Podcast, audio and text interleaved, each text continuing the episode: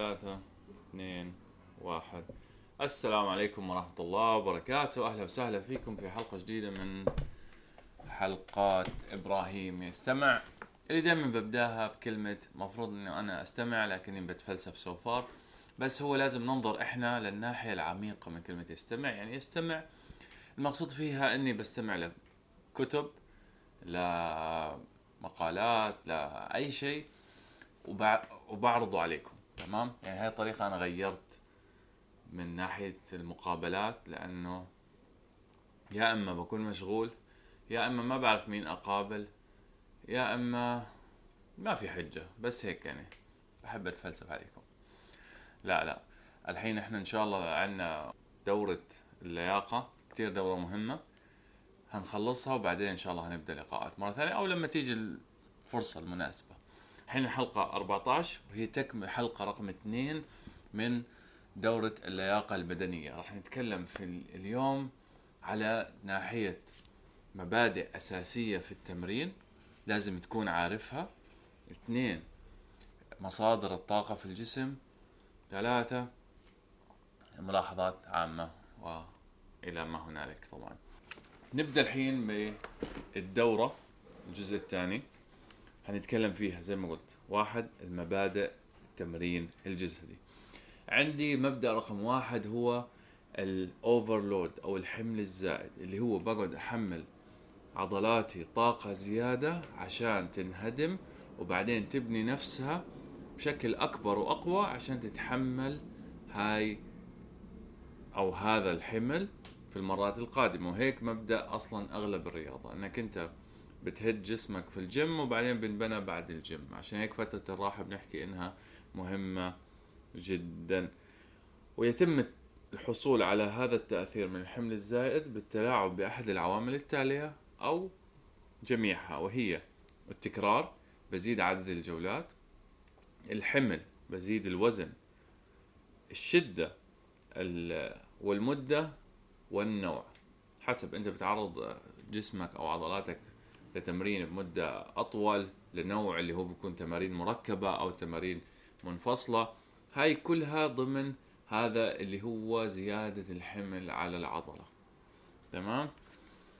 المبدأ الثاني التخصص في التم في التمرين أو specificity of training. يعني أنت لو هدفك نوع معين من التمارين الجمباز أو مثلا لو انت من هدول اللي بيحملوا أوزان عالية وبكونوا فيلا ما شاء الله عليهم فبكون بيهتم بثلاث تمارين أساسية اللي هو الحمل الميت deadlift أو ال bench press أو ال- ال squat فأنت تهتم بهذا التمرين بالذات. يعني إذا كمان إذا أردت تطوير الجري بتصير تركز على الجري.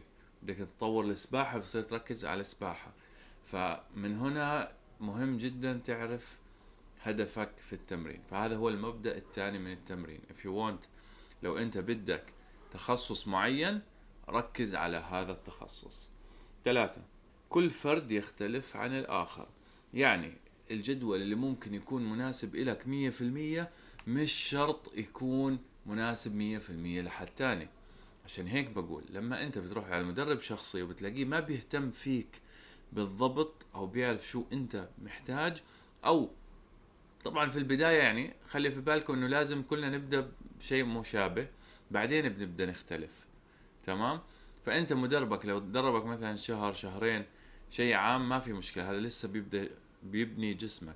لكن بعدها لو ما صار يتخصص ويركز على شو اللي أنت بتحتاجه وبيتابع تمارينك وبسجلها فأعرف إنه مدربك نص نص سيبك منه. وأنت لازم تكون مدربك الشخصي وتعرف الصح.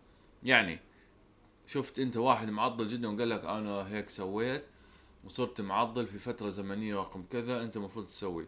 انت سويت ما زبط عندك. اعرف انه الموضوع مش لازم يكون غلطك. الموضوع عادي جدا انه يكون انت بناسبك نوع تاني من التمارين والحمية وغيره.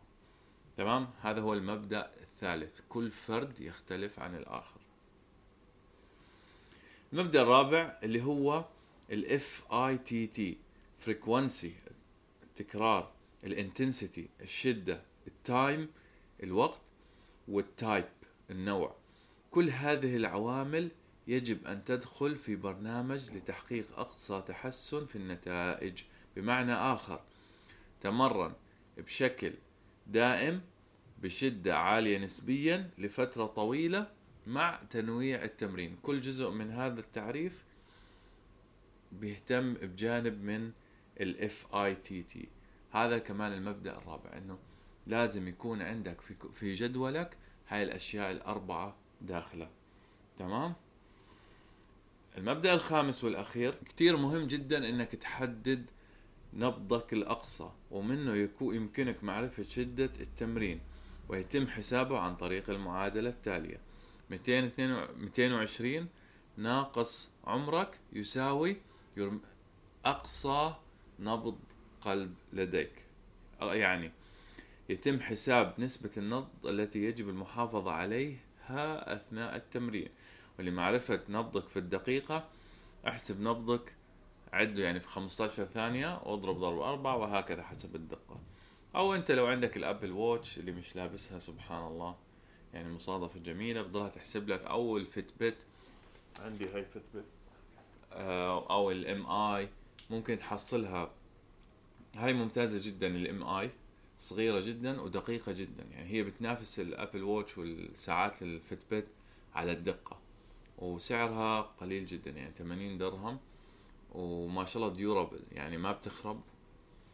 وصحيح إنها صينية بس بتضلها عندك. فحتى وأنا عندي ال Apple Watch أعطوني إياها هدية عشان هيك جبتها يعني. آه ما كنت راح أدفع عليها المبلغ لأنه ما بحتاجها.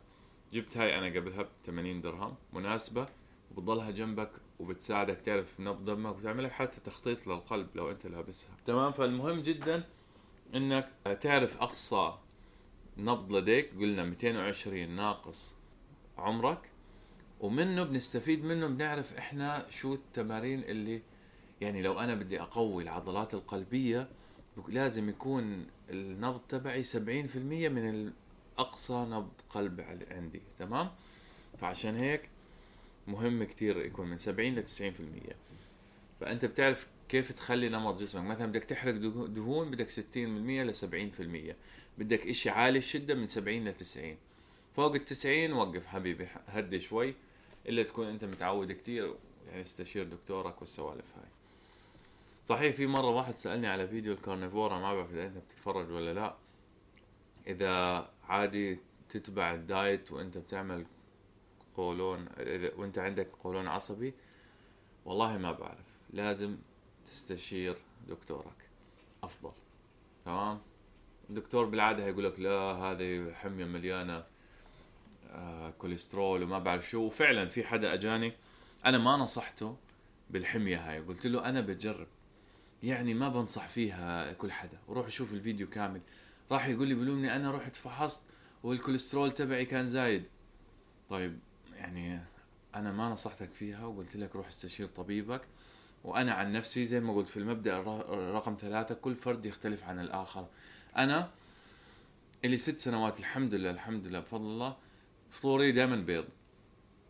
وفي ال carnivore عملت ال carnivore والحمد لله الحمد لله الكوليسترول عندي ما كان زايد. ولا عندي أضرار عالية بعده وفحصت بعده يعني بفترة ما كان عندي أي مشكلة فيه. لا بارتفاع في الكوليسترول أو نبض الدم أو غيره. again أنا ما نصحت فيها. قلت لكم إنه لازم يكون عندي توازن. أنت شوف شو جرب وشوف أنت طبيب نفسك وافحص واسأل الدكتور. فاني واي آه الله يرضى عليك. لو أنت بتشوف الفيديو روح اسأل الدكتور وتأكد منه إذا بيأثر على القولون العصبي.